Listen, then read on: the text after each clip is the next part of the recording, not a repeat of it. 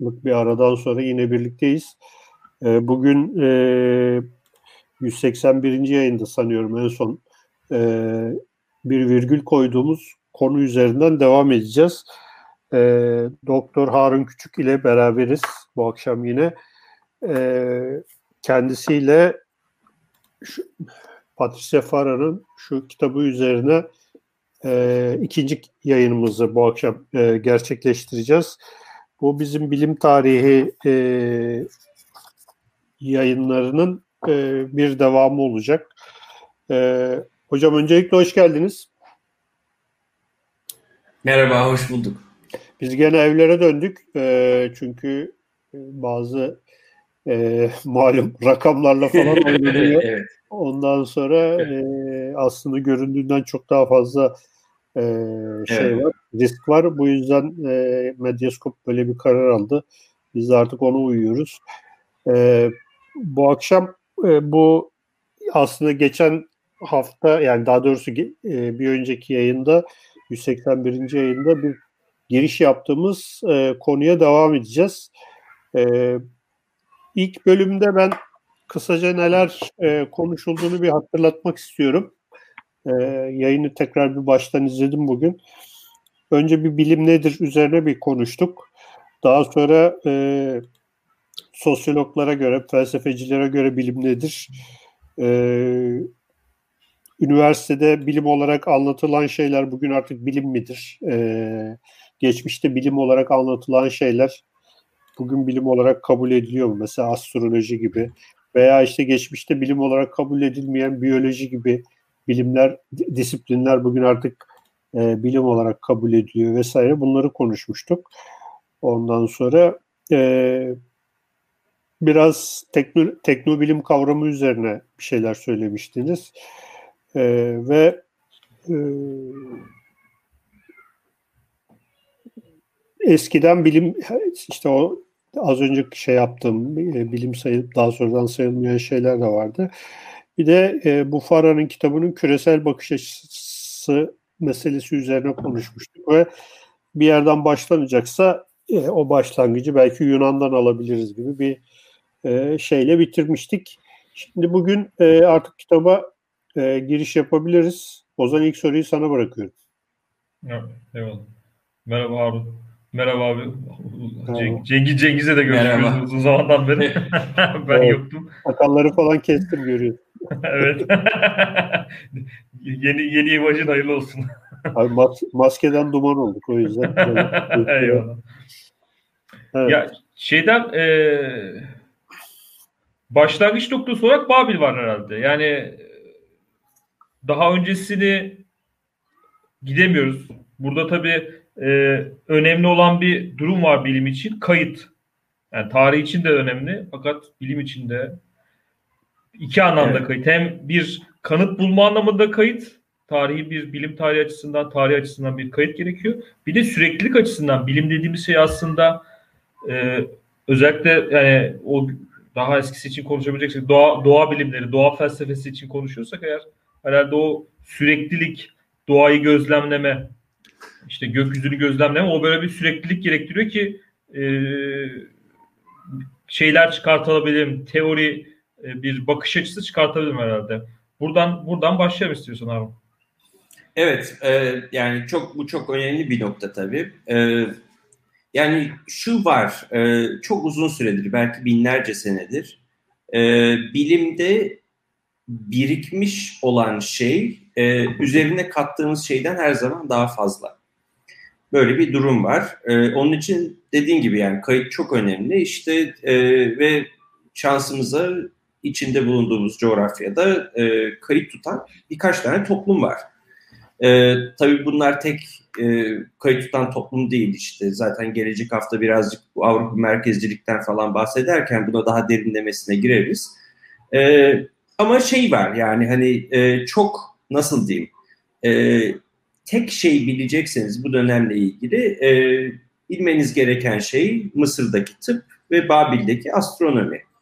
E, bunların ikisi de kaydedilen çok uzun seneler yani yüzlerce sene kaydedilen e, ve bizim antik Yunan dediğimiz medeniyetten çok daha kadim şeyler. E, işte Babil astronomisi dediğimizde, Babil astronomisi dediğimiz şey esasen milattan önce 2000-2500'den e, itibaren başlıyor. E, fakat orada şöyle bir mesele var. E, burada hep bir amaç için gözlem yapılıyor Babil'de. Yani nedir? E, orada işte e, bir bakıma takvim, e, ondan da daha önemlisi e, gökyüzündeki belli olayları önceden tahmin edebilmek için e, kayıt tutuyorlar ve bunları çok iyi tutuyorlar. E, bu arada yani hani ben bu dersi kendi üniversitemde verdiğimde e, bizim üniversitenin bir müzesi var e, ve bu müze e, yani var olan en geniş çivi yazısı koleksiyonlarından birine sahip. Ben öğrencilerimi oraya götürüyorum. E, gerçekten yani hani işte e, davalar, emirler, mektuplar, astronomik şeyler, matematiksel şeyler falan bunların hepsini Babililer çok uzun süreler kaydediyorlar. E, ve bu sebepten ötürü de e, bu bilgiler taşınabilir oluyor. Çünkü mesela astronomik veri dediğiniz şey öyle sözlü kültürle falan taşınabilecek bir şey değil. E, bunların çoğu yazılı yollardan taşınıyor ve mesela bizim hani o beğenmediğimiz Batlamyus hani dünya merkezcilik falan dediğimiz şey esasen e, bu tür verilerin binlerce yıl birikmesinin sonucu. Yani o çok emekle e, o noktaya gelebiliyoruz. E, ya böyle bir şey var. Aynı şekilde Mısır tıbbı da öyle.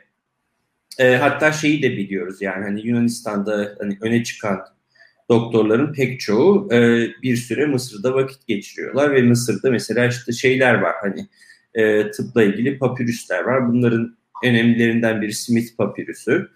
E, ve burada mesela bizim tıbbi vaka dediğimiz şeyi e, gayet güzel kaydediyorlar. İşte diyor ki e, falanca kişi işte savaşta yaralandı, e, kafatasında delik vardı, e, ameliyat ettik kurtaramadık falan. Hani bu tip şeyleri kaydediyorlar vaka seyrini. Sırf şeyler için değil tabii hani e, cerrahi vakalar için değil normal hastalıklar için de e, oradan da işte şey çıkıyor bizim Hipokrat tıbbıyla özdeşleştirdiğimiz o vaka şey işte e, iki günde bir ateşlenen hastalar, dört günde bir ateşlenen hastalar, e, ondan sonra neyin işleyip neyin işlemediği. Bugün işte hastanelerde e, başucunuzda duran o şey, yani sizin vakanızın seyrini kay, seyrini kaydettikleri kağıt aynı şekilde yani binlerce yıl önce Mısır'dan ola gel yani gele geliyor. Ee, şey bu hani böyle bir ortam var burada ve burada işte biraz e, şeyi de etkili. Hani çok da hani bunların üstünde bastırmak istemiyorum ama e, bir şey var hani e, nehir deltası e, uygarlıkları bir miktar şey var e, merkezi devlet var. E, devletin bir şekilde e, iyi ve kötü yollarla el koyabildiği bir e, artı üretim var. E, ve bunlarla da işte neler yapıyorlar derseniz işte devletlik, ordu falan gibi şeyler yapıyorlar. Bir de bunun üstüne e, bu tip uzmanlaşmalar mümkün oluyor ve bunlar yazılı şekilde kaydediliyor. E, ve genel olarak e, bu bilgiler bize Yunanistan üzerinden geliyor. Çünkü yani yine ilk bölümde de dediğim gibi yani Yunanlıların esas bilim tarihindeki yeri e, buluşlarından, parlaklıklarından, şundan bundan değil, e, bir şekilde e, dünyanın pek çok yerinden bilgiyi toplamalarıyla oluyor. Ve bunu nedir? İşte e, eğitim yoluyla, paralı eğitim yoluyla nesilden nesile aktarmaları e, Yunanlıların başarısı bu. E, yani şey olarak baktığımızda hani teknik başarılar olarak baktığımızda tabii ki Babililer ve Mısırlılar Yunanlıların çok daha ötesinde özellikle yani milattan önce 400'e kadar falan. Burada Harun e, delta delta mevzusuna girince e, delta medeniyetleri diyelim yani şey işte ırmak boyu medeniyetleri Mısır'da olsun Babil'de olsun belki Çin'de e, Sarı Nehir dibinde veyahut da Ganj, e, Ganj Indus e, vadilerinde e, şey için içine girmiyor mu? Yani hem bürokrasi, yani bu devlet aygıtın ortaya çıkması hem de e, toprak ölçümü. Yani bu Babil'de özellikle e, toprağı ölçme, Mısır'da e, Nil'in taşmasını ona göre işte verimliliği hesaplama. Bunlar aradaki ilişki ilişkisi nasıl? Yani bu hep biz e, belki bahsedeceksin bilimi şey olarak konuşuyoruz ama düşünüyoruz daha çok. Böyle e, gerçeklikten kopukmuş gibi görüyoruz ama aslında bir bilim dediğim şey aslında bir e, amaca hizmet ediyor. Yani bir Yani orada ben e, yani bunu anlattığım şekilde tabii ki bu benim görüşümden kaynaklanıyor. E, şey var yani hani e, toprak ölçümü işte zaman ölçümü yani mesafe zaman e, alan falan bu tip şeyleri ölçüyorlar. E, burada bir şey yok hani bunu pek çok kişi yapıyor dünyanın her yerinde. E, bu tabii ki bilime bir şey yani nasıl diyeyim e, bilime çok katkısı olan bir şey. Çünkü bu tip hani, teknik yetkinlikler e, neticede bilimi yücelten, daha üst seviyeye çıkaran şeyler. Fakat e, şu da var, bunlar kendi başlarına tabii bilim değil. E, hani şey gibi olmuyor. Ben mesela hani evimin bir duvarını ölçtüğümde bilim yapıyor olmuyorum. Aynı şekilde tarlamın boyunu ölçtüğümde de bilim yapıyor olmuyorum. Ama bunları yapamıyor olsam e, belli bilimsel görüşlere veya belli teorilere ulaşmam mümkün olmayacak. Yani bu anlamda bunların çok önemli bir rolü var ama dediğim gibi kendi başına bilim değil. Ee, yine buradan hareket ederek e, yani bence Farah'nın çok avantajlarından biri, bu kitabın avantajlarından biri e, var olan iki görüşü birleştirmesi. Yani normalde nedir? E, bilim tarihi anlatılırken iki yol takip edebilirsiniz. Biri işte pratiklerden gidersiniz. Nedir? Bu senin dediğin gibi işte e, ölçme, e, kayıt tutma falan gibi pratiklerin bir şekilde e, nasıl diyeyim olgunlaşması. E, bir başka yolda işte mitopoeik denilen görüş e, nedir? İşte bilim esasen e, bir takım mitlerin e, zaman içinde ayıklanarak, temizlenerek felsefeye dönüştürülmesi ve e, işte elimize kozmoloji, doğa felsefesi gibi şeyler bırakması. E, yani Farah'ı okuyunca tabii bunların ikisinin de bir arada yürüdüğünü görüyorum. Gerçekten şey bir görüş. Yani çünkü yine e, bir yani e, varoluş mitimin olması bir doğa felsefem olduğu anlamına gelmez. Fakat bir varoluş miti tabii ki doğa felsefesinin e, çerçevesini çizmek için gerekli bir şey. E, yine aynı şekilde işte pratikler de böyle. Yani hem mit anlamında hem pratik anlamında zaten yani Yunan medeniyetinin etrafında hem zaman olarak hem mekan olarak bir çerçeve çizilmiş. Ee, ve bu Yunan biliminden bahsettiğimizde de esasen bunların e, toplamından bahsediyor oluyoruz. Ee, devlet tabii ki önemli çünkü bir şey var yani hani yani bakın e, uzmanlaşma yani uzman olması çok güzel bir şey. Yani mesela bugün e, ayrı doktor diyebileceğimiz insanların olması bize çeşitli faydalar sağlıyor. Nedir? İşte bu insanlar e, bu konuda e, bu konuya odaklanabiliyorlar. Bütün zamanlarını bu mevzuya adıyorlar ve bu konuda bilgileri, yetkinlikleri artıyor. E, ve biz bir doktora gittiğimizde belki kendimizi çok uzun e, ve meşakkatli şekillerde öğrenebileceği ya da belki hiç öğrenemeyeceği bir sürü şeyi e, bilen kişilerle karşılaşıyoruz. Tabii bunun da bir etkisi işte eğitim, e, nesilden nesile aktarılan e, bir bilgi bütünü vesaire vesaire. E, fakat bir adım geri attığınızda e, görürsünüz ki bu uzmanlaşmış veya yani bir şekilde hani e, var olan kaynakları ekseriyetle tüketen uzman sınıflar e, çok şey değil. E, nasıl diyeyim?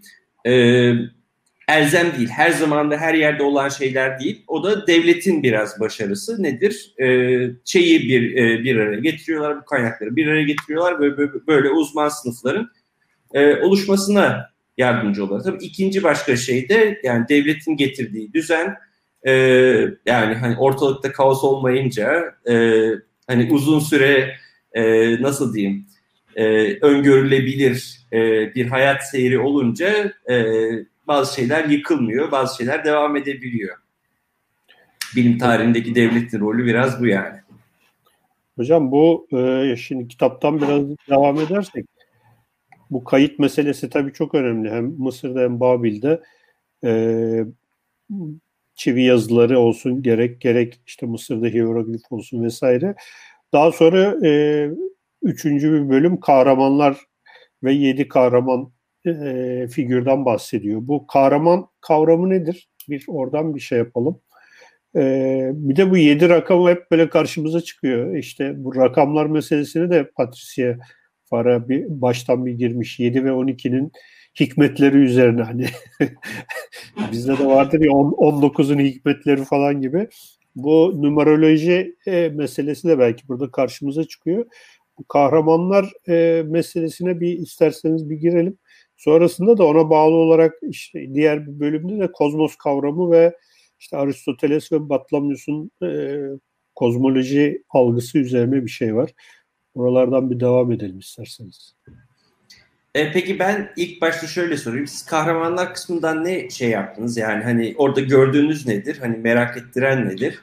Aslında benim e, şeyle söylediğinle de alakalı biraz önce söylediğinle de alakalı bu mit, mitlerle mit mit kavramıyla da oradaki Yunan Yunan mitolojisindeki işte gördüğümüz karakterlerle e, yeryüzüne yansıması olarak gibi duruyor. Yani işte Aristoteles, Platon, Thales e, sanki bunlar e, şey gibi Prometheus gibi yani ateşi yeryüzüne getiren şeyler gibi kahramanlar gibi bunlar da bilim, bilimi insanlara ulaştıran e, tırnak içinde söylüyorum bilim adamları gibi duruyor. Yani o, mitoloji yani bir de. Mi, mito, bir mitoloji var yani. Yani mesela e, e, Eflatun'u yahut da e, Eflatun, Aristo olmasa biz Sokrat'ı bilebilir miydik? Veyahut da Sokrat diye gerçekten bir şey var mı? Kavra, e, birisi var mı? Yani yoksa şeyin e, Eflatun'un e, uydurması veyahut da öncekileri. Çünkü şey üzerinden hep okuyoruz. Aristo üzerinden okuyoruz. Presokratikleri. Biliyoruz daha doğrusu. Okuyoruz değil de biliyoruz. Evet. Yok e, çok haklısınız. Yani bir işte şey vardır. E, Diyojenle Erkios vardır. Bir de Aristo vardır yani az çok şey yapan. Yani Diyojen Laertios daha çok hani hayatlarıyla ilgili, Aristo da daha çok düşündükleriyle ilgili bize bilgi veriyor. Ee, yani şöyle bir şey var. Mesela ben Thales'i anlattığımda derste e, öğrencilerin önüne şunu koyuyorum. E, Babil yaratılış miti, e, Eski Ahit, Mısır yaratılış miti.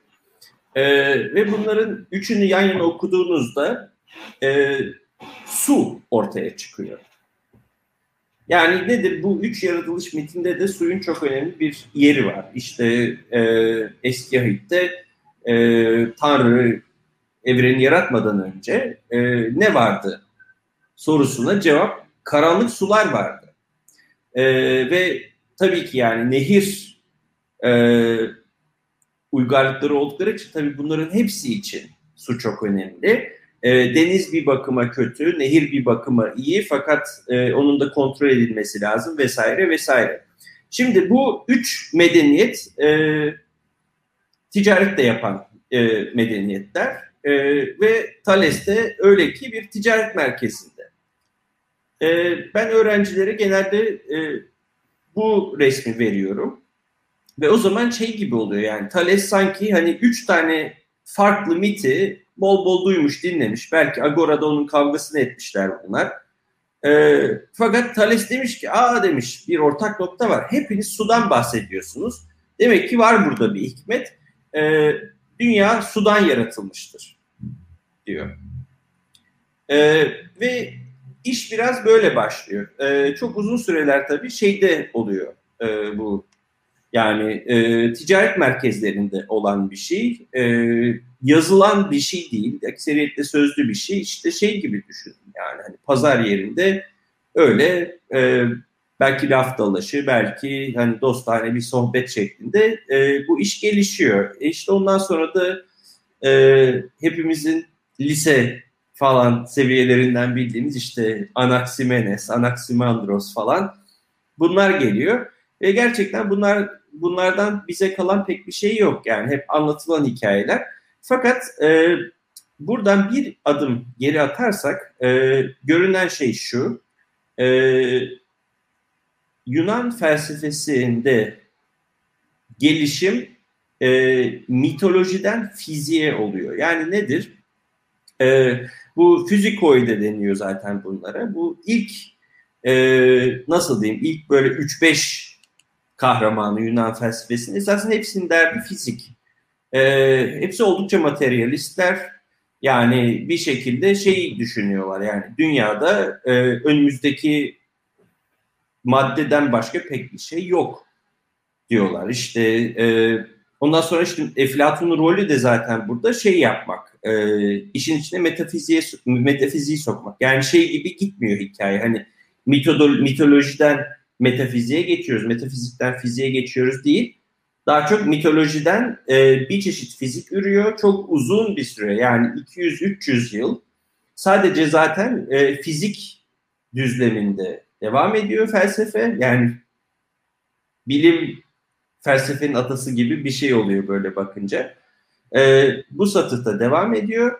Ta ki Eflatun gelip e, yani birazcık da şey yani hani Eflatun çok daha dindar bir adam bu felsefelerin felsefecilere nazaran. E işte şey diyor yani hani bu ahlaksızlıktır diyor yani sırf e, önümüzdeki şeylerden oluşan bir dünyada işte erdeme yer yoktur, hani insan ruhuna yer yoktur vesaire. Zaten hani bu metafiziğin çıkması da bu isyandan oluyor. Ee, Aristo'nun yaptığı da zaten bu iki görüşü bir araya bir şekilde bir araya getirmek. Yani tamamen tutarlı veya hani e, her şeyi kapsıyor diyemeyeceğim. Ama Aristo'nun başarısı da işte şey gibi hani e, Eflatun tamamen neredeyse metafiziksel bir düşünür. E, ondan önce gelenler neredeyse tamamen fiziksel düşünürler. E, Aristo da bu ikisini birleştirmeye çalışıyor. Şimdi şey hikayesi biraz bu. Yani bu kahramanlık hikayeleri biraz e, bu minvalde gidiyor. E, yani Sokrates, Sokrates hakkında çok da bir şey bilmiyoruz. İşte şeyler var. Hani e, Sokrates e, neslinde veya bir iki nesil öncesindeki e, filozoflardan elimize fragmanlar kalmış ve bu fragmanları e, yani çoğu zaman oldukça cılız şeyler. Yani işte atıyorum e, yani Heraklit'ten e, kalan fragmanlar böyle adam akıllı bir kitap doldurmaz.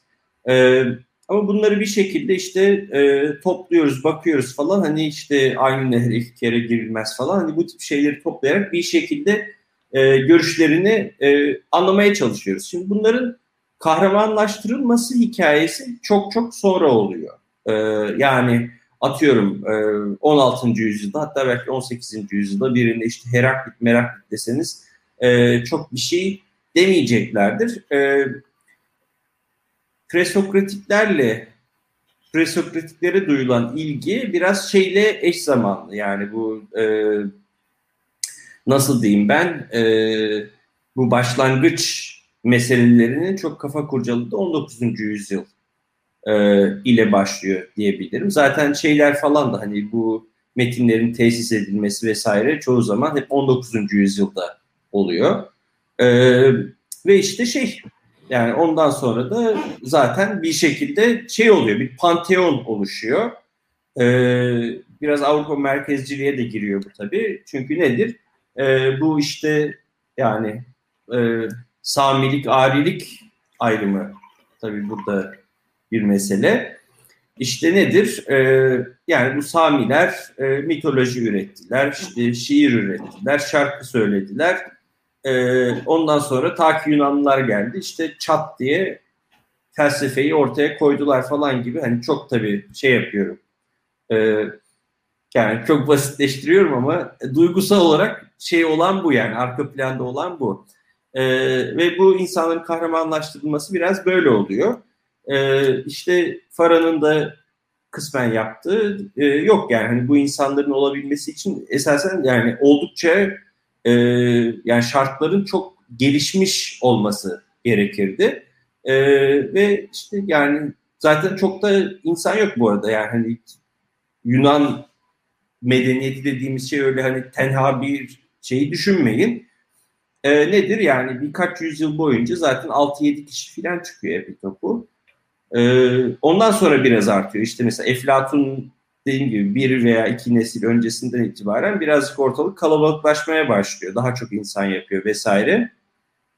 Ee, bunun da bir sebebi işte bu şey kültürü yani Atina'nın sofist kültürü. E, sofist de nedir? İşte şey yani Atina demokrasisini biliyorsun sen çok demokratik bir yer değil zaten. İşte orada demokrasiye dahil olabilmek için hem erkek olmanız gerekiyor hem toprak sahibi olmanız gerekiyor. E, kölelik mölelik her şey var.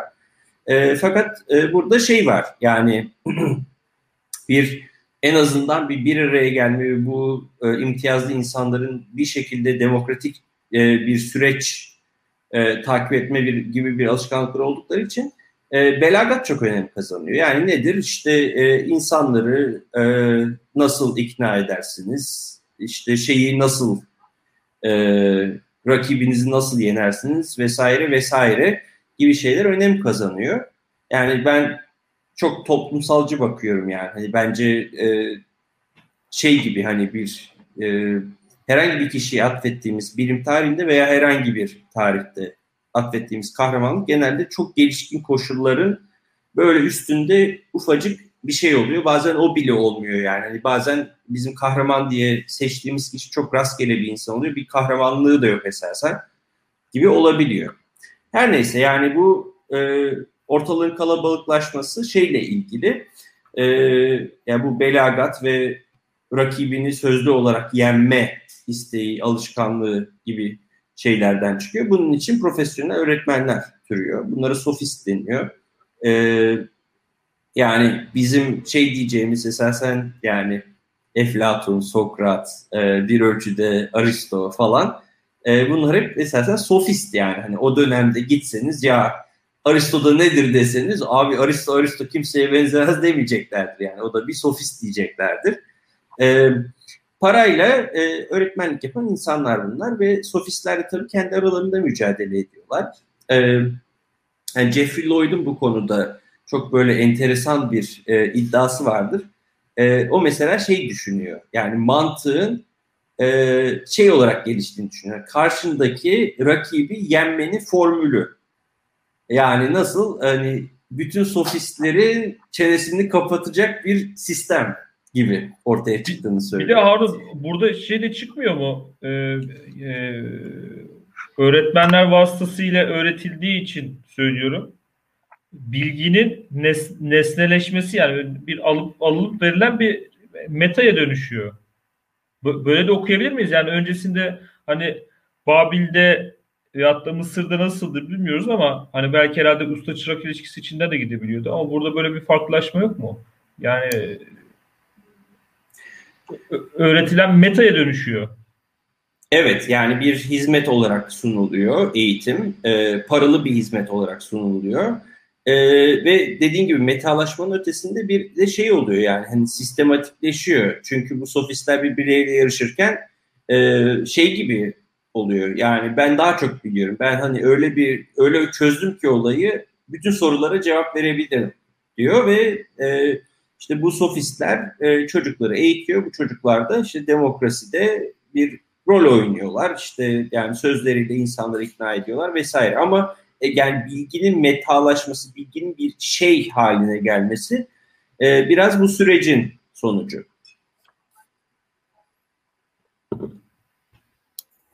Evet. Hocam bu kozmoz meselesine de girelim. Hazır demin ben soruda onu şey yapmıştım. Ee, bu kozmoloji kavramı e, Batlamyus, Aristoteles vesaire bu bunun bilim tarihindeki e, şeyi nedir? Yeri ve önemi.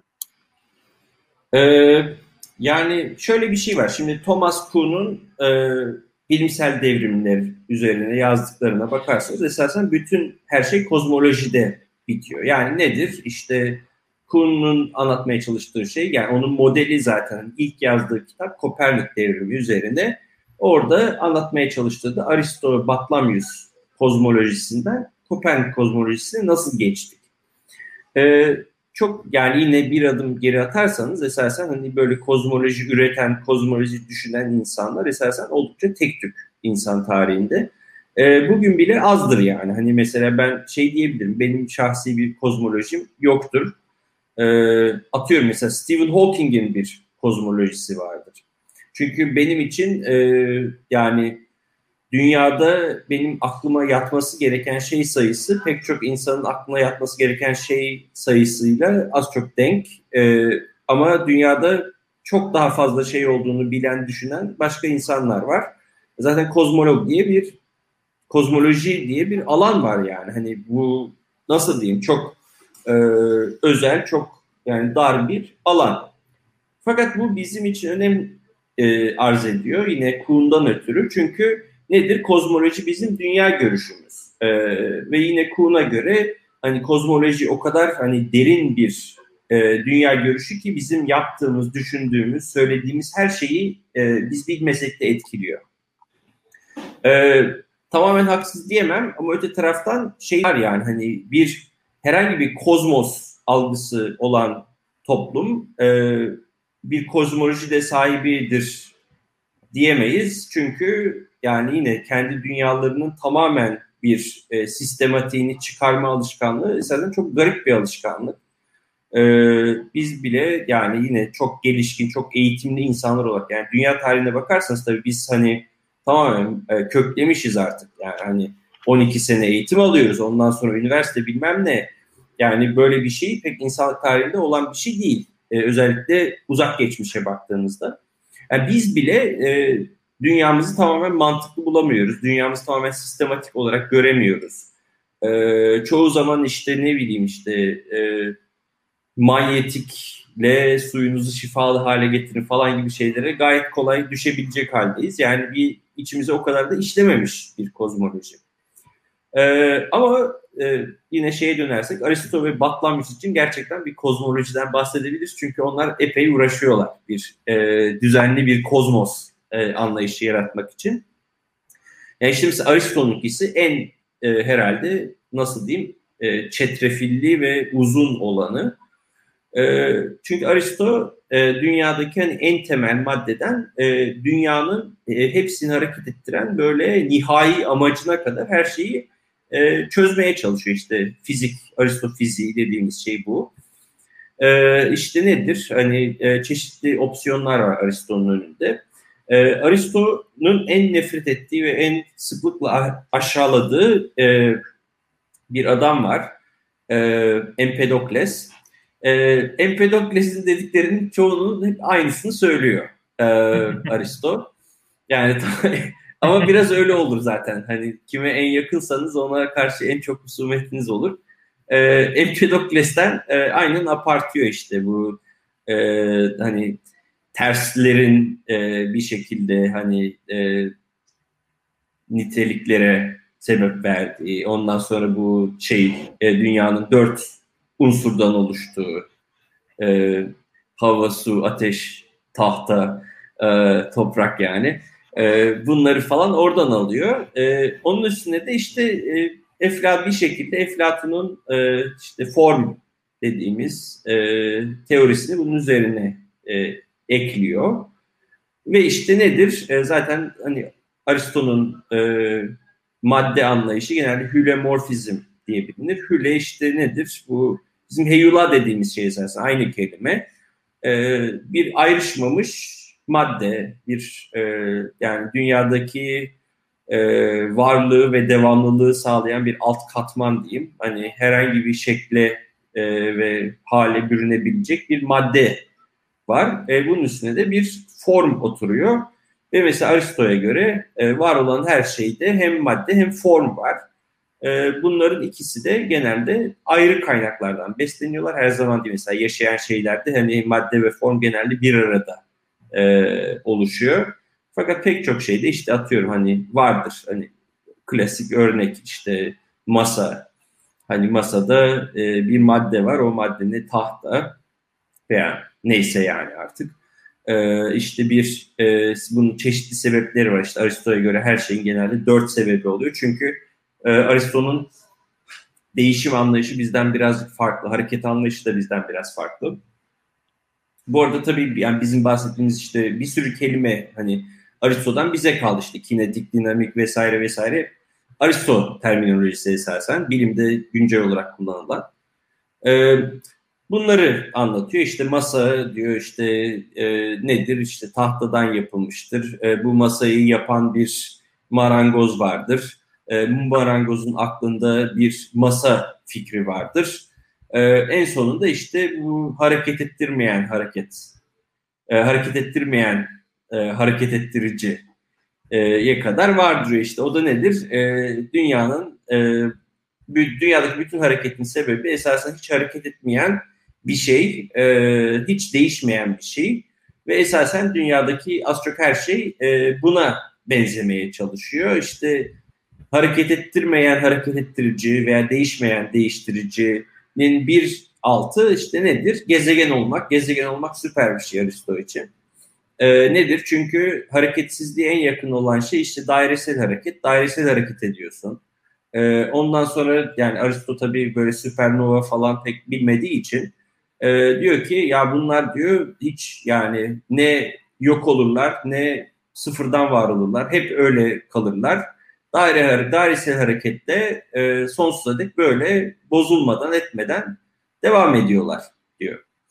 E, ondan sonra işte onun bir alt katmanı var. Zaten e, Aristo kozmolojisinde e, kırılım noktası ay. Çünkü ayın altına inince artık her şey e, değişebiliyor, her şey yok olabiliyor, her şey var olabiliyor. İşte şey gibi ben yine bunu derste anlatırken şey gibi e, anlatıyorum çocuklara. Yani nedir? Bizim dünyamız eğer e, şu anda gezegenler dursa e, şeye ayrışacak gibi düşünün. E, işte en altta toprak olacak, onun üstünde bir katman e, su olacak, onun üstünde bir katman hava olacak, onun üstünde bir katman ateş olacak. Ama gezegenler e, değiştirmeyen değiştiriciyi taklit etmeye çalışırken böyle e, bizi bir çorba kazanı gibi karıştırıyorlar. O yüzden işte e, dağlar oluyor, işte denizler oluyor e, e, falan filan yani yer altında hava dolu mağaralar olabiliyor e, vesaire. Ama mesela Aristo'nun görüşü böyle işte dünyanın üstünde e, değiştirmeyen değiştiriciye iyice benzeyen gezegenler var. Ayın altında da işte bizim gibi e, hani devamlı değişen, e, devamlı işte şey olan yani hani var olan ve yok olan bir sürü şey var.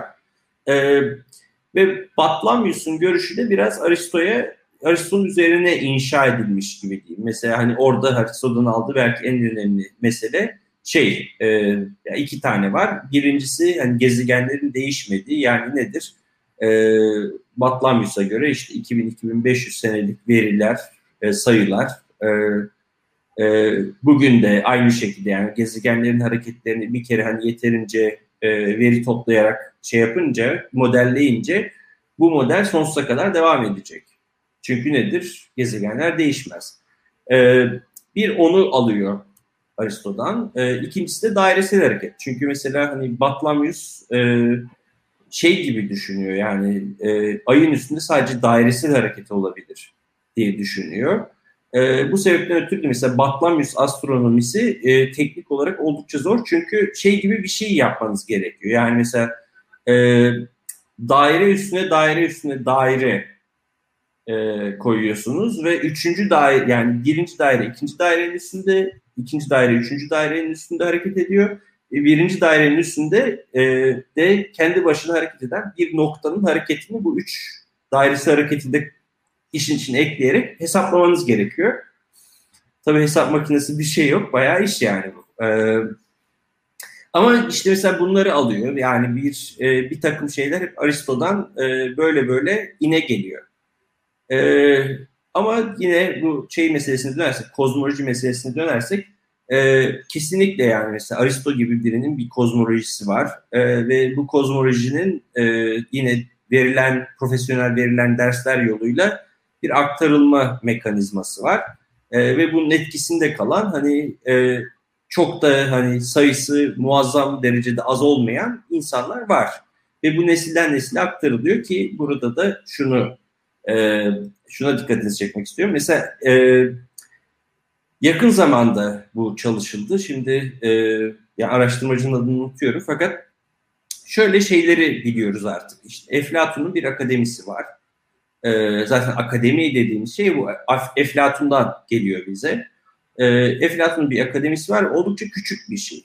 Yani nasıl diyeyim bahçeli bir ev gibi falan düşünün. Ee, ondan sonra işte Aristo zaten buraya burada okuyor. Ondan sonra yine biliyoruz İskender'e hocalık yapmaya gidiyor. İskender hocalık yapmaya yapmak e, yapmaya gidiyor. Ondan sonra dönüşünde Atina'ya çok uzun süre oluyor işte. Arada Asos'ta falan şey vakit geçiriyor. E, arada sonrasında Atina'ya dönüşünde e, Atina'nın en zengin adamı. Yani şey gibi mesela Aristo yani böyle hani nasıl diyeyim e, dirseği yamalı felsefe hocası falan gibi değil. Daha çok Jeff Bezos falan gibi bir adam yani. O seviyede zengin Atina standartlarında. Hatta sanırım böyle şey gibi hani yine rakamı yanlış söylüyor olabilirim. Aristo'nun böyle şahsi e, mal varlığı işte Atina'nın toplam mal varlığının yüzde onu falan gibi bir şey yani. Öyle çok acayip bir e, zengin biri. E, ve ondan sonra işte e, Liseum denilen şeyi kuruyor. İşte bugün lise dediğimiz şeyde Aristo'nun okulundan geliyor. E, ve e, gördüğümüz kadarıyla Liseum denilen yer e, akademinin bir kopyası ama akademinin mesela 10 katı falan boyutunda. Yani nedir? E, Aristo demiş ki ben hocam Eflatun'u yaptığından yapacağım ama 10 kat büyüğünü yapacağım demiş. Ondan mesela çok daha büyük bir alana yayılıyor Aristo'nun okulu. Ee, ve burada Aristo e, Eflatun'un pek de yapmadığı bir şey yaparak hani sistematik felsefe öğretiyor e, çocuklara. E, ve mesela Aristo kendisi de zaten bunu böyle yani nasıl oluyor bu iş? Ben nasıl hani şöyle felsefe yapabiliyorum, sistematik üretebiliyorum. İşte orada da e, işte Nikomakos'a etik geliyor. E, işte yani Aristo kendi yaşadığı hayatı çok şey yapıyor yani acayip övüyor. Yani diyor ki felsefe hayatı en iyi hayattır. İşte benim gibi iyi arkadaşlarınız yoksa, benim gibi çok zengin değilseniz, benim gibi rahatınız yerinde değilse felsefe yapamazsınız. Ee, filan falan. Yani bunları bunları hep diyor. Ee, her neyse şimdi şey lafı çok uzattım biraz dağlandım, dağlandırıp budaklandırdım. Sorun değil sorun değil. Ya Aristo'nun bak zengin olduğunu bilmiyordum ben hiç şimdi şey söyleyince. no. bir gariban adam diyebilirdik. evet evet. Çok Şeyde... bir Aristo'nun saç kesimi falan da böyle şeydir yani. E, moda. Şey yani felsefe, filozof gibi böyle hani saç bir yerde sakal bir yerde değil de berberli yani hani. Yok zaten manikür bayağı... terziyi şey yapmıyor, ihmal etmiyor yani. bayağı çalışıyor yani. ya şey için bu e, Batlamyus'un şeylerinden bahsettin de kayıtlardan falan bu kayıtlar hep şeyden değil mi? Daha önceki dönemlerden yani Babil'den falan geliyor. Yani bu kayıt Evet. Astronomik kayıtlar oradan alınıyor. Evet yani şey gibi bu arada yani Babililer kadar e, yani aralıksız gökyüzü göğüne e, para, imkan, adam ayırmış pek başka bir toplum yok. E, mesela bizim zaten yani gökyüzüyle ilgili çoğu kullandığımız şey bugün bile yine direktman Babillerden kalma. İşte ne bileyim hani gökyüzünün 360 derece olması, işte bu burçlar, e, ondan sonra 60 tabanlı sayı sistemi bugün yine zaman ve açı için kullandığımız bunlar hep yani çok uzun süreler boyunca Babil'de yapılan işler ve bunların böyle yan şeyleri. Bu kadar ee, tutkuyla gökyüzünü bir mesela diyorsun ya başka yerde yok diye mesela Çin'de Çin'de de yoktur herhalde hatta böyle kayıttan olması. Ya bu cidden büyük bir tutku ve e, bunu yüzyıllarca herhalde sürdürüyorlar. Yani anladığım o yüzyıllarca sürdürüyorlar. Bunun sebebi ne? Yani sen sen neye bağlıyorsun? Ee, şimdi bir Çin'de yani bu yapılıyor fakat bunun gelişimi birazcık daha geç bir dönemde oluyor. Yani Çin'in bir tane astronomi bürosu var ve hani öyle çok da az olmayan bir insan orada çalışıyor. Hatta şeyler falan da gidiyor yani böyle Müslüman astronomlar falan da gidiyor ama bu çok daha geç bir hikaye. Ee, yani orada işte bir şey var hani bir takvim oluşturma derdi var. Ee, o biri. Ee, ikincisi de hani gökyüzü e, gökyüzündeki olaylar e, yani şöyle diyeyim e, şimdi biz tabii hep e, şehirlerde vesaire yaşıyoruz. Gökyüzü hayatımızın çok bir parçası değil. Tamamen karanlık bir şey. İşte tek tük görürsek yıldız görüyoruz falan. E, ama şeyi hayal edin yani hani bir ışık kirliliği olmayan ortamda gökyüzü bayağı Yani çok animasyonlu, çok enteresan, farklı bir şey. E, bunu ilk önce bir kenara koymak lazım. E, ama onun ötesinde de hani gökyüzünde olan e, bir takım böyle büyük olaylar var. İşte ay tutulması, güneş tutulması gibi şeyler. E, ve yani genel olarak anlatıldığı şekliyle şöyle e, ay tutulması, güneş tutulması gibi şeyleri e, önceden bilirseniz siz e, bunu anlamlandırma şansınız var. Yani nedir? İşte ben hani bunları tahmin ederek e, birkaç şey yapabiliyorum. Birincisi diyorum ki ben bunu biliyorum. Nereden biliyorum? Hani şey demiyorum. Abi 100 kişi çalıştırıyoruz şurada sırf bunu hesaplayabilmek için demiyorum. Hani ben bilirim çünkü ben kralım gibi bir şey oluyor. E, o birincisi. E, ikincisi de anlamlandırma. Şimdi bir güneş tutulması olduğunda esasen oldukça korkutucu bir şey güneş tutulması. Mesela biz de hani e, gazetelerden okumasak güneş tutulması olacak falan diye bilmesek bir güneş tutulması olsa oldukça endişe verici olurdu. E, yani bunları bu endişelere bir anlam vermek veya işte hani niye güneş güneş tutuluyor çünkü bilmem ne olacak falan gibi bir şekilde anlamlandırabilmek bunlar e, çok azımsanamayacak, azımsanmayacak şeyler.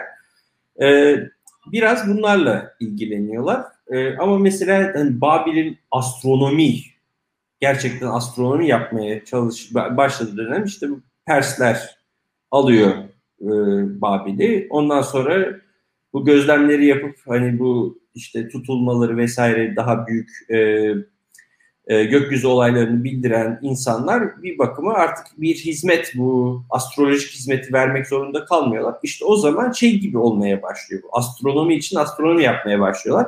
O da zaten şey gibi oluyor yani tırnak içinde milattan önce 700'den başlayan bir e, bilim devrimi hikayesinin e, son ucu oluyor. E, ama evet yani bu şey bu verileri bu diğer toplumlar topluyorlar. Evet ve yine yani bu verileri anlamlandırmak için kullandığımız matematiksel aygıtların, e, fikirlerin, mekanizmaların çoğunu da e, bu toplumlar icat ediyorlar. İşte Batlamyus bunları okuyor, Aristo'yu okuyor, ikisini birleştiriyor. Yani hani birikim anlamında baktığınızda yine yani Batlamyus'un katkısı oldukça az. Ee, ama orada Batlamyus'un başarısı veya Batlamyus'un içinde bulunduğu toplumun başarısı diyeyim daha çok e, bir şekilde birilerine e, bu iki bilgi kaynağına da erişim vermesi. Yani e, herkes yapabilir Batlamyus'un yaptığını diyemiyorum ama işte bu birikime e, erişebilmek Batlamyus gibi bir insanın mümkün olmasını sağlıyor. Yani nedir? İşte şey e, gerekli şartlar, yeterli şartlar meselesi. İşte e, Batlamyus'un yaşadığı toplum bu gerekli şartları yerine getiren bir toplum e, Batlamyus da bir şekilde e, yeterli şartları denkleştiriyor ve bize yani bunları bir sistematik olarak veriyor. Harun yani o... şunu söylemek gerekiyor değil mi? Yani Mısır'da yaşıyor Batlamyus. Yani şey açısından söylüyorum. Ya bu coğrafya mevzusu hep gözden kaçıyor. Yani mesela Yunan diyoruz evet. işte e, Yunan diyoruz ama sadece Atina'yı kastetmiyor. Mesela Batlamyus dediğimiz kişi de Mısır'da yaşıyor. Aristo işte Atina'da, e, Babil işte yani Mezopotamya'da yani aslında bu coğrafya e, yani zamandan bahsediyoruz ama coğrafya mekandan da bahsetmek gerekiyor ki yani o şeyler gelgitler e, ilişkiler ağı nasıl ilerliyor? Onda yani önemli yani onu ayrıca böyle e, artı olarak söylemek istedim. Yok çok haklısın yani. Orada bir şey var. Yani nasıl diyeyim? E, burada Yunan medeniyeti dediğimiz şey zaten ticaret medeniyeti. Ee, çok e, yani şey seviyesinde Mısır veya Babil seviyesinde üretken bir medeniyet değil. Ee, yani bunu evet e, bu önemli. Bu e, nasıl diyeyim e, havzanın tamamından besleniyor Yunanistan. Ay nasıl yani e, bir ülke esas parasını ticaretle kazanıyorsa çevresindeki diğer ülkelerin üretiminin üstüne inşa ediliyor. Yunanlılar da biraz öyle yani. O, bu havzanın tamamı yani Akdeniz havzasının tamamından besleniyorlar. Ee, Hatta biraz daha ötesinden de besleniyorlar yani bu işte şey meselesi hani İskender'in ta Hindistan'a kadar gitmesi meselesi esasen bayağı bir e, e, uzaklardan bilgiler gelmesini sağlıyor ve şey derim yani bir tarihçi olarak e, çok yakın bir e, zamana kadar hani batı dediğimizde esasen Hindistan ve batısından bahsediyoruz. Yani batı Hindistan'dan başlar.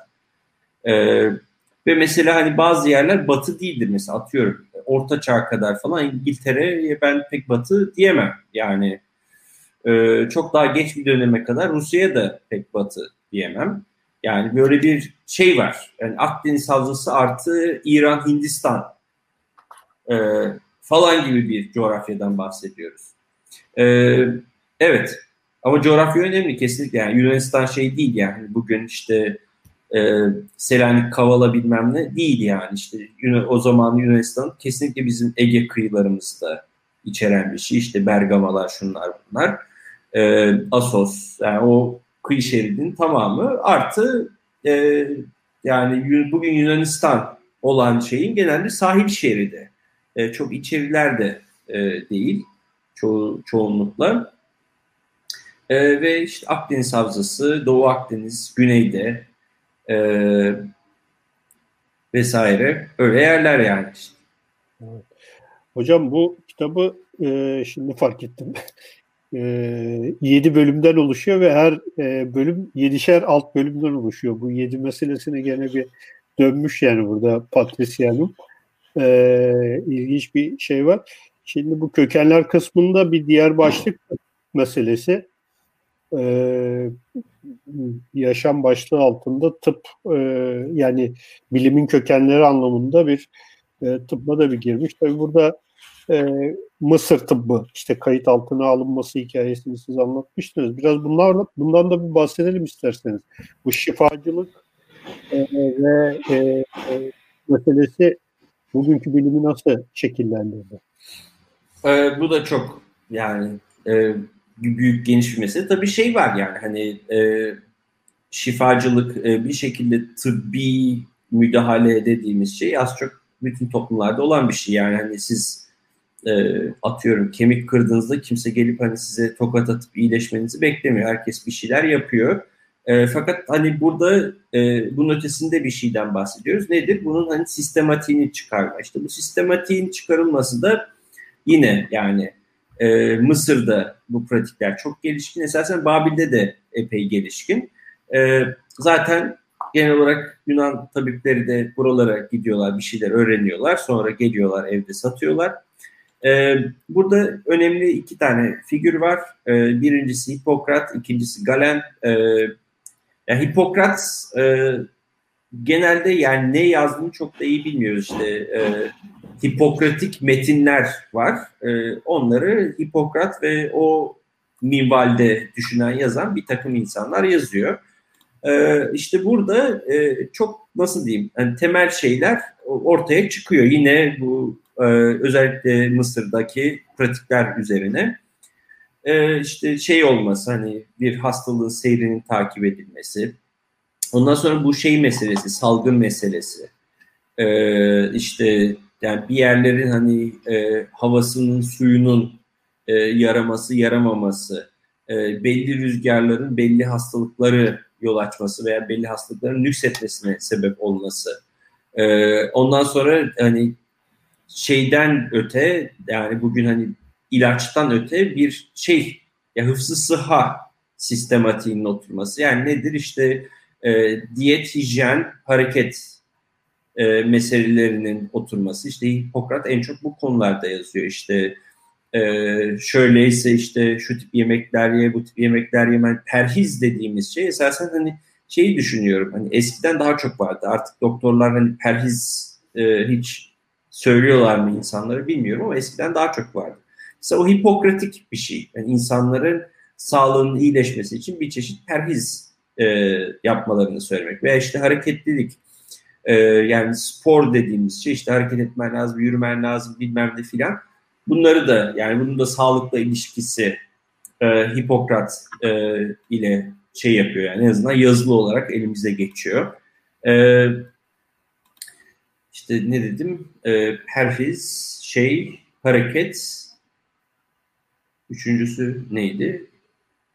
Neyse yani e, ve bir şey anlayışı oluşuyor. Sistematik bir sağlık anlayışı oluyor, oluşuyor. Yine bu pratiklerin toplamının e, Hipokrat süzgecinden geçmesiyle o da nedir? Sağlıklılık hali bir denge hali oluyor. Denge hali de nedir? İşte vücuttaki e, yani belli unsurların e, dengede olması. E, bunun hani bizim bildiğimiz şekliyle işte bu hani işte kara safra, sarı safra, kan balgam falan hani bu e, şeyleri şekle bürünmesi daha çok Galen'le oluyor ama bu denge anlayışı yani sağlığın bir çeşit denge olduğu anlayışı e, işte Hipokrat'ta var. E, bunun iç faktörleri de var, dış faktörleri de var. Ve bu yine yani var olan pratikler üzerine oturtulmuş, e, felsefileştirilmiş, bilimleştirilmiş bir tıp. Ya bu da yine çok önemli. Yani hani orada tabii ki Hipokrat ve Hipokrat okulundaki diğer insanların şansı e, bir şekilde hani hem e, çok e, geniş bir havzadan pratik çekebilmeleri, e, ikincisi de bunu yani bir düşünsel sisteme dönüştürebilecek bir felsefe eğitimine sahip olmaları. E, işte bu ikisi birleşince de zaten bizim şey yaptığımız hani daha bilim bize bilim gibi gelen bir şey ortaya çıkıyor. E, Hipokrat'la birlikte. E, biraz da Galen'den bahsedeyim. Galen de mesela enteresan biri. Galen çünkü şey e, Roma'da ordu cerrahı. E, ve Galen e, çok hani nasıl diyeyim e, çok garip şeyleri var. Hani bugün bile şeyde kullanılan, cerrahide kullanılan bir takım e, hani neşter ve o minvaldeki aletleri kendisi bayağı icat ediyor. E, çok asker tabii kesip biçiyor yani. Galen'in çok ciddi bir e, nasıl diyeyim normal bir doktorda olmayacak bir deneyim avantajı var. Ama o da işte yani e, kendi pratiklerini e, yine e, şeyden Mısır'dan onun üzerinden Hipokrat'tan e, gelen bir şey yani bir bilgi birikimine erişebiliyor ve o bize şeyi veriyor artık hani vücuttaki denge nasıl oluşuyor. Mesela Galen Hipokrat'tan farklı olarak şey diyor yani hani e, hastalık sadece ve sadece insan içindeki dengesizlikten olur. Yani o da nedir?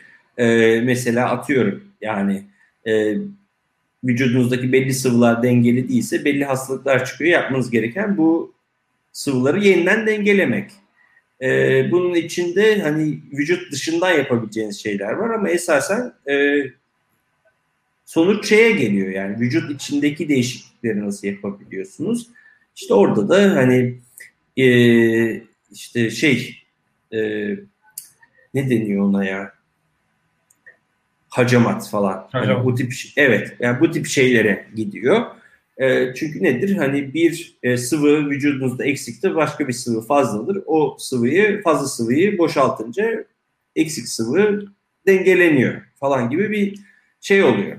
E, ama yine evet. Burada yani bu Galen mevzusu da gelince e, yani bu mikrokozmoz makrokozmoz arasındaki ilişki yani işte şey küçük evren büyük evren insan işte küçük evren e, evet. kainat işte ismi üzerinde büyük evren ve bunların arasındaki ilişki bu tıp tıp ve kozmoloji üzerinden de bağlantı kur, e, bağ, gitmiyor mu? Yani bu ahalatı erba yani dört unsur işte e, nasıl kainatı yaratan işte üzerinde durduğu dört unsur varsa insanın da üzerinde olan veyahut da insanın da işte bu dengesini sağlayan işte dört unsur var. İşte sen söyle balgam, e, sevda, işte şey e, e, ak balgam, işte kara balgam, e, safra, e, bir de şey kan kandı galiba değil mi? Ya, şey yanlış evet. hatırlamıyorsam. Kan, Ve balgam, diğer, safra, sevda evet. Evet. Diğer tarafta da işte şey ateş, su, toprak, e, hava. E, evet. Ve bunlar arasındaki e, bir, bir bir noktadan mı bakılıyor? Ha, e, o aralarındaki ilişki nasıl gidiyor? Yani hem bu itidal kavramı üzerinden de belki konuşmak, devam etmek gerekiyor. Yani çok bu denge mevzusu e, sürekli yani hatta bunun e, bir e, adım ilerisi olarak şunu da söyleyebiliriz. Siyaset düşüncesindeki o hani senin alanın değil biliyorum ama e, siyaset düşüncesinde mesela ahlak kitaplarında da bu itidalli olmak üzerine yani dengede olmak üzere e, sürekli şey ver telkinlerde bulunuyor. İşte Aristo itibarla başlayıp İslam dünyasında da devam eden o ahlak kitaplarında da var. Bu itidal kavramı, dört unsur bunların üzerine ne söyleyebiliriz? Yani söyleyecek çok şey var. Şimdi bir kere şey olarak yani hani soy ağacı olarak bunlar çok birbirine bağlı şeyler. Yani nedir işte tıbbın bu dört unsuru alması zaten şey gibi oluyor. Yani hani vücuttaki sıvılar e, nedir? Kuru olabilir, ıslak olabilir, sıcak olabilir, soğuk olabilir. Yani bu da zaten direktman şeyden geliyor. Yani evrende olan dört unsurdan geliyor. Hani böyle bir şey var. Hani böyle bir soy ağacı var.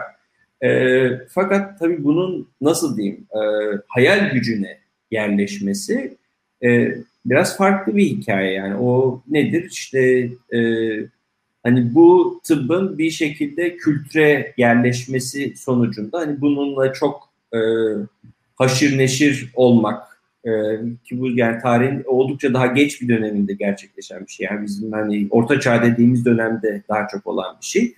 E, nedir bu hani bir hayal gücünde bir mekanizma veya hani nasıl olabilir bu dünya, nasıl anlayabilirim siyaseti dediğinizde sizin için bir kaynak yani bu.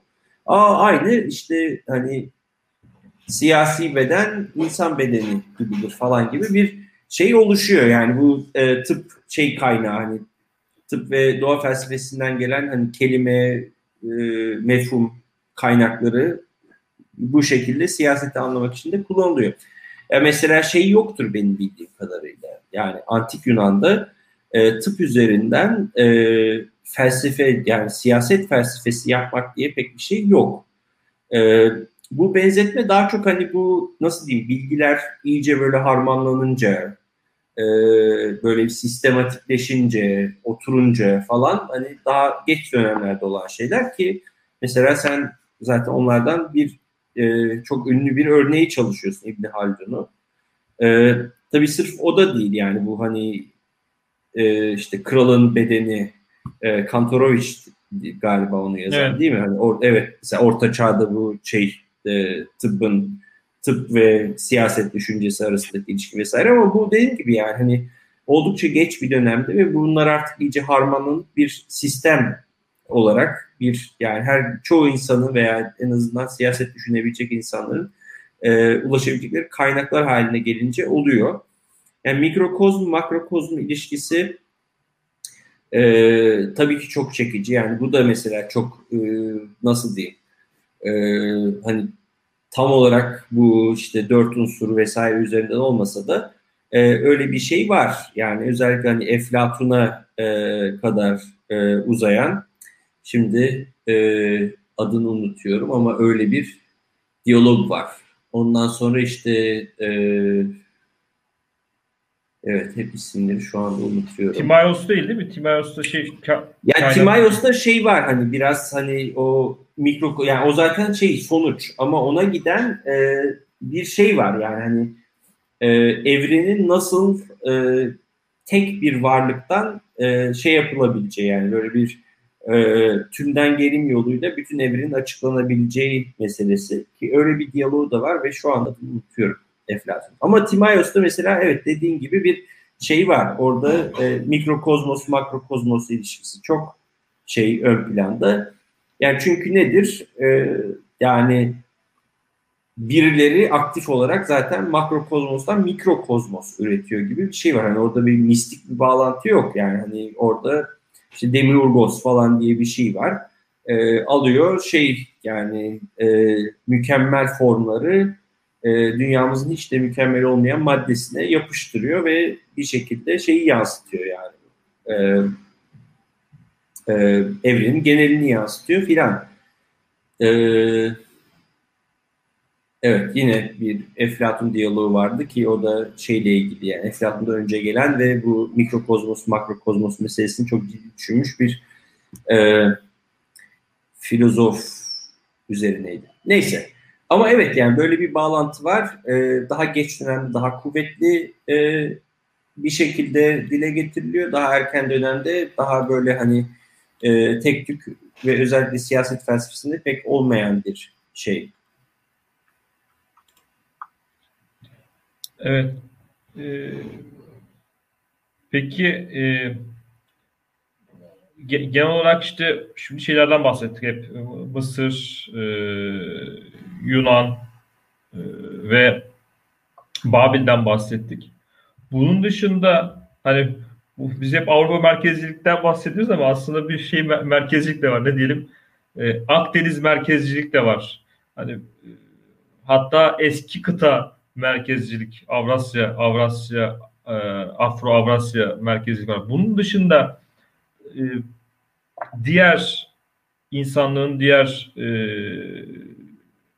bölgelerinde veyahut da dünyanın diğer bölgelerinde insanlığın ortaya çıktığı bölgelerde. Mesela e, şeyde Asya'da pardon e, e, Amerika'da Amerika dediğimiz e, kıtada yahut da Afrika'da bu tarz e, şeyler var mı? Bunlara denk gelebiliyor muyuz yoksa sadece bilim dediğimiz şey bu bizim yani bugünkü araştırmalarımıza sadece burada mı e, bu coğrafyada mı bu üçgen içinde mi meydana gelmiş?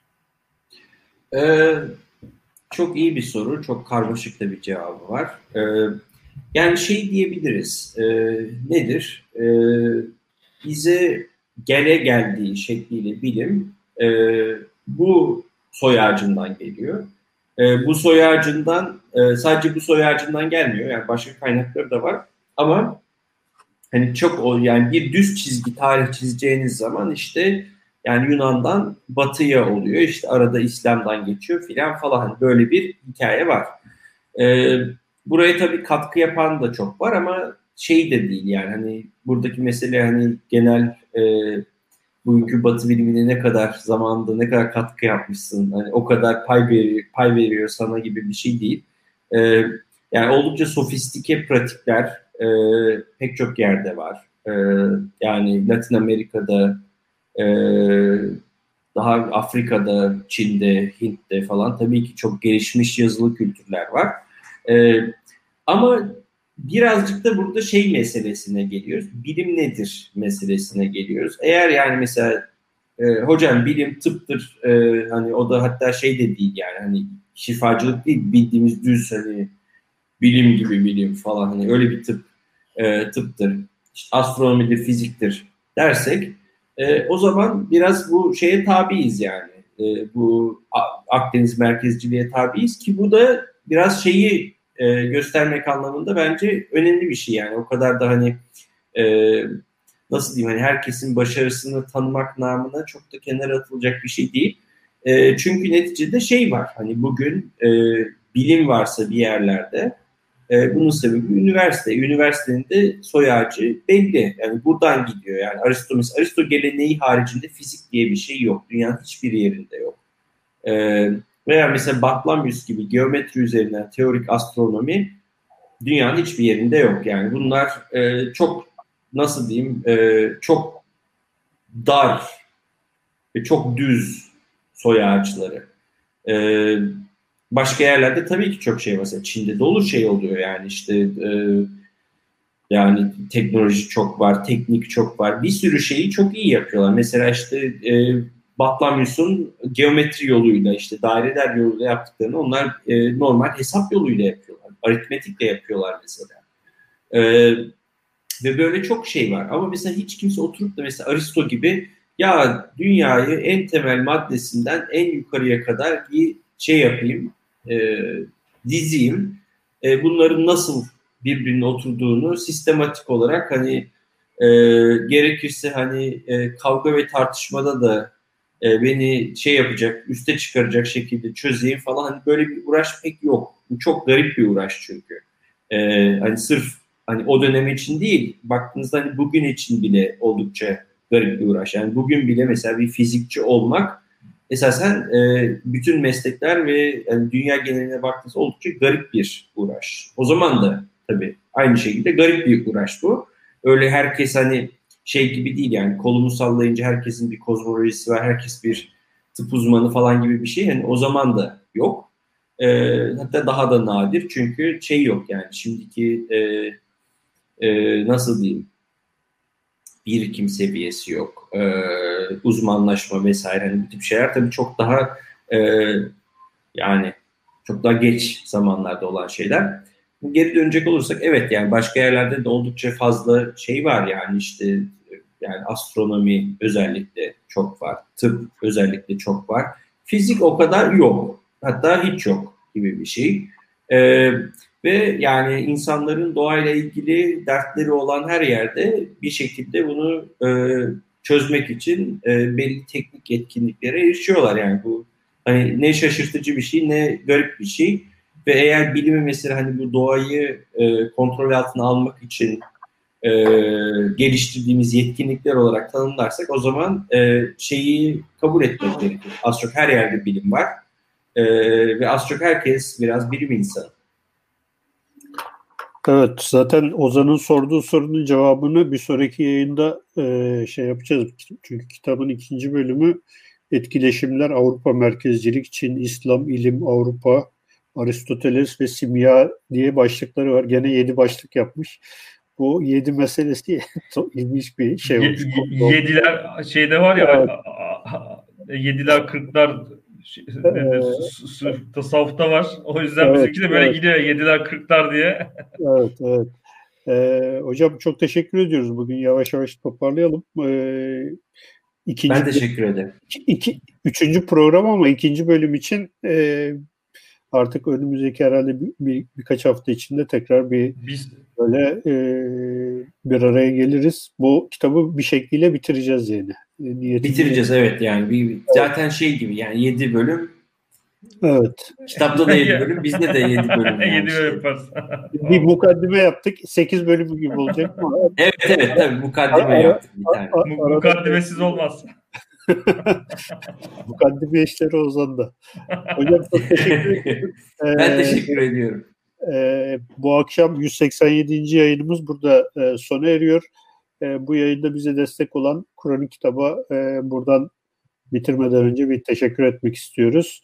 E, önümüzdeki hafta yeni bir e, yayında buluşmak üzere. İyi geceler diliyoruz.